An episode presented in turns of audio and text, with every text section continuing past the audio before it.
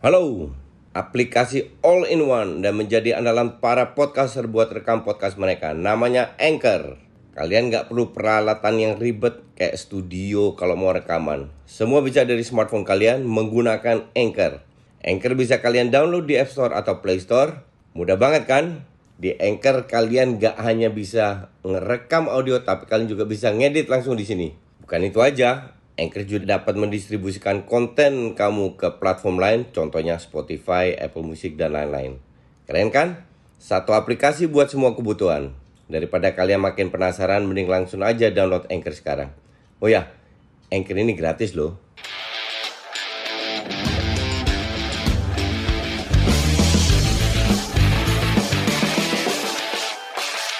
Salam Jastok. Kembali membuktikan bahwa FIFA ini nggak ngerti apa-apa dan tujuannya cari duit. Topiknya ya 8 pemain yang disanksi. Sebenarnya apa sih yang terjadi? Kok FA Brasil bisa melakukan eh, hal-hal seperti yang sebenarnya bukan wewenangnya? Jadi gini, aturan di FIFA dalam sikon normal itu bahwa pemain harus mengikuti pertandingan resmi jika diundang oleh FA-nya. Oke. Okay? Itu udah udah aturan yang udah lama kita nggak usah bahas-bahas itu. Aturan udah fix. Kalau tidak pemain tidak mau datang atau tidak boleh oleh klubnya atau dilarang eh, pemain tersebut atau klubnya bisa kena sanksi. Brazil ini kilang banyak pemain. Kalau nggak salah sekitar 12 8 9 dari Inggris eh, 3 dari La Liga.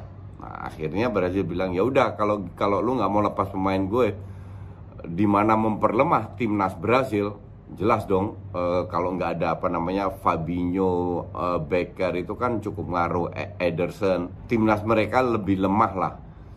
Jadi mereka melontarkan sanksi lewat FIFA, oke? Okay? Jadi mereka tidak boleh melakukan sanksi langsung, mereka minta izin dari FIFA. Sorry, mereka request ke FIFA, tolong pemain-pemain ini, ini, ini, 8 pemain tersebut disanksi.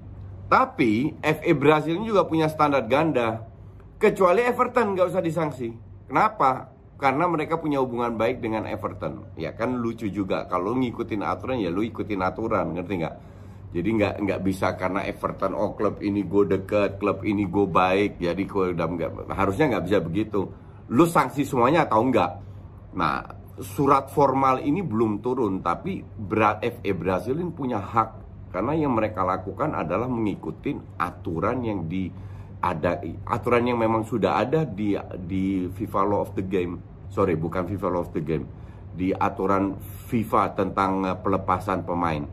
Gue nggak tahu apakah akan turun atau tidak. Kalau tidak turun itu FIFA yang salah. Jadi FIFA harus mengeluarkan itu karena mengikuti aturan. Kalau seandainya dia bilang, oh ya ini aturan pandemi nggak bisa kayak kita kayak begini, bla bla bla bla. Sekarang Messi juga nggak lolos karena terbentur oleh aturan, aturan yang dibuat pada saat normal tapi tidak dirubah pada saat pandemi. Jadi pertanyaannya kan begitu.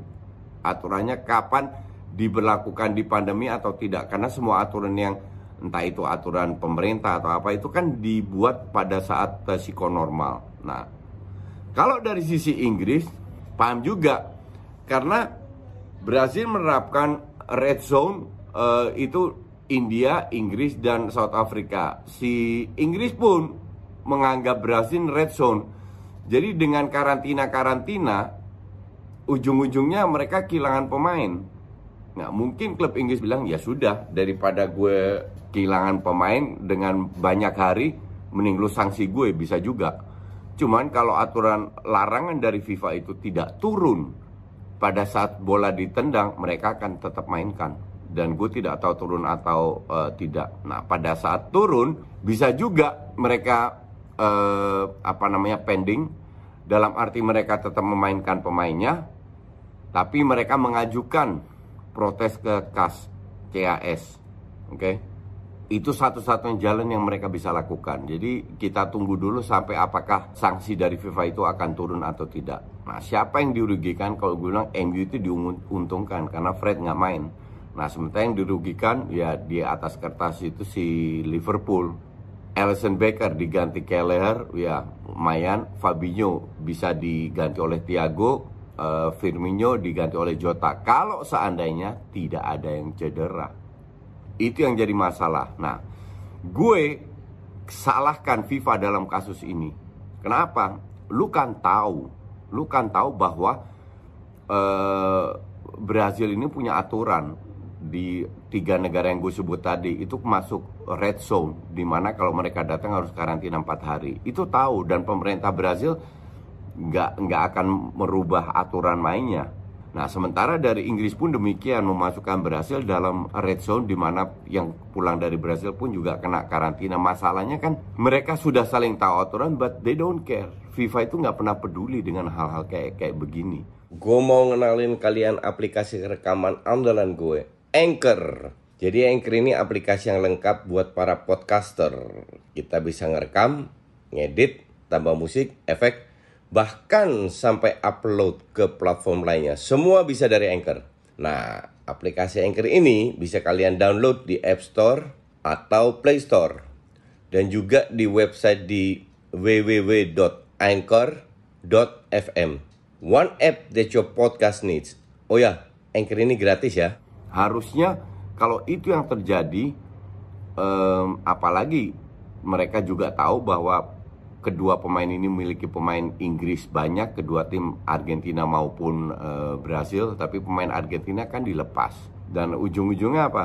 Si Romero sama Lo Celso itu kalau mereka dari Brasil langsung ke Inggris, mereka karantina di rumah isoman 14 hari. Sementara mereka dari Brasil langsung terbang ke Kroasia, di mana mereka tidak usah isoman, mereka bisa latihan di luar dan akhirnya kembali lagi ke Inggris karena Kroasia tidak masuk dalam red zone Nah hal-hal kayak begini itu memang ribet, riweh kayak kayak di Indonesia lah dan gue bilang yang dilakukan pemerintah itu sudah benar ya itu main sepak bola Liga 1 dijalankan tapi mainnya di Jawa. Kenapa? Karena jaraknya tidak terlalu jauh, e, gampang tercapai jadi e, mengurangin potensi untuk tertular. Jadi hal-hal kayak gini sebenarnya bisa dilakukan oleh FIFA tapi they never care. Mereka itu nggak peduli dan CONMEBOL nggak peduli FIFA itu harusnya jauh-jauh hari kan staffnya mereka banyak. Bisa membuat skenario di mana negara yang lagi tinggi-tinggi banget uh, kayak Inggris dan Brasil, India, Afrika Selatan itu kan harusnya bisa diatur. Tapi ya gue nggak tahu kerjanya apa yang tahu gue tujuan mereka hanya ada cari-cari duit doang. Sama dengan Piala Dunia dua tahun uh, apa namanya uh, diselenggarakan mereka hire Wenger sebagai jubir. Wenger itu cuma jubir, dia bukan bukan anggota exco, dia bukan ketua, dia tidak bisa mengambil keputusan apa dia hanya melontarkan ide mungkin iya, tapi uh, dia kan bukan decision maker, ya kan? Tapi dia yang disodorkan karena dia punya nama, dia dikenal dan diminta untuk mempromosikan. Kan udah gila. Dan sekarang kita lihat uh, Nassernya PSG protes terus uh, Severin protes lihat aja. Ini percaya gue ini akan terjadi. Dua tahun itu pasti diteruskan. Kenapa? Karena mereka akan melakukan voting. Dan negara-negara besar pasti protes. Italia, Spanyol, Prancis, Inggris, Jerman, Belanda, pasti Brasil, Argentina. Oh enggak, kita tidak setuju, kita tidak setuju. Tapi mayoritas negara itu kan kecil. Negara Afrika, Asia tinggal di, di suap-suap dikit pasti mereka dukung. Dan banyak keputusan itulah bokisnya FIFA. That's why gue tidak pernah setuju dengan sistem FIFA one man one vote. Uh, gue selalu bilang sekarang dengan aturan FIFA negara kayak Botswana, kayak Guinea, uh, Nepal itu suaranya sama dengan Spanyol, Brazil, Argentina, Italia, Prancis, Jerman. One man one vote. Nggak bisa harusnya mereka bikin kayak Uh, kayak PBB ya. Jadi ada ada beberapa member pemain penting yang punya veto. Itu harusnya dilakukan. Tapi ya inilah trik-triknya FIFA kenapa Blatter bisa puluhan tahun berada karena negara-negara kecil ini di di lobby semua.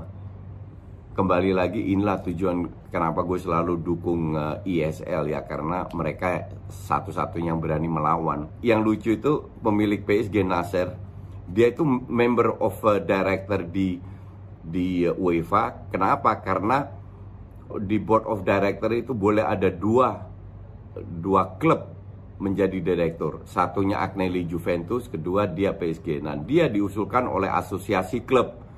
Asosiasi klub sekarang ketuanya dia juga. Nah, of course dia apa namanya dia menentang semua aturan. Kenapa? Karena PSG dan City itu kan dikelola pakai duit negara. Jadi persaingan udah nggak nggak fair lagi. Mereka nggak ada serinya duitnya. Sekarang mereka bayar ratusan juta gaji, oke? Okay? Dan they don't care. Neymar 200 juta aja, oh sorry, Mbappe 200 juta aja nggak mau dijual. Inilah kalau gue menentang sesuatu pasti banyak alasan di belakang itu gue nggak asal ngomong nanti ke depannya kalian akan tahu siapa yang benar siapa yang salah oke okay?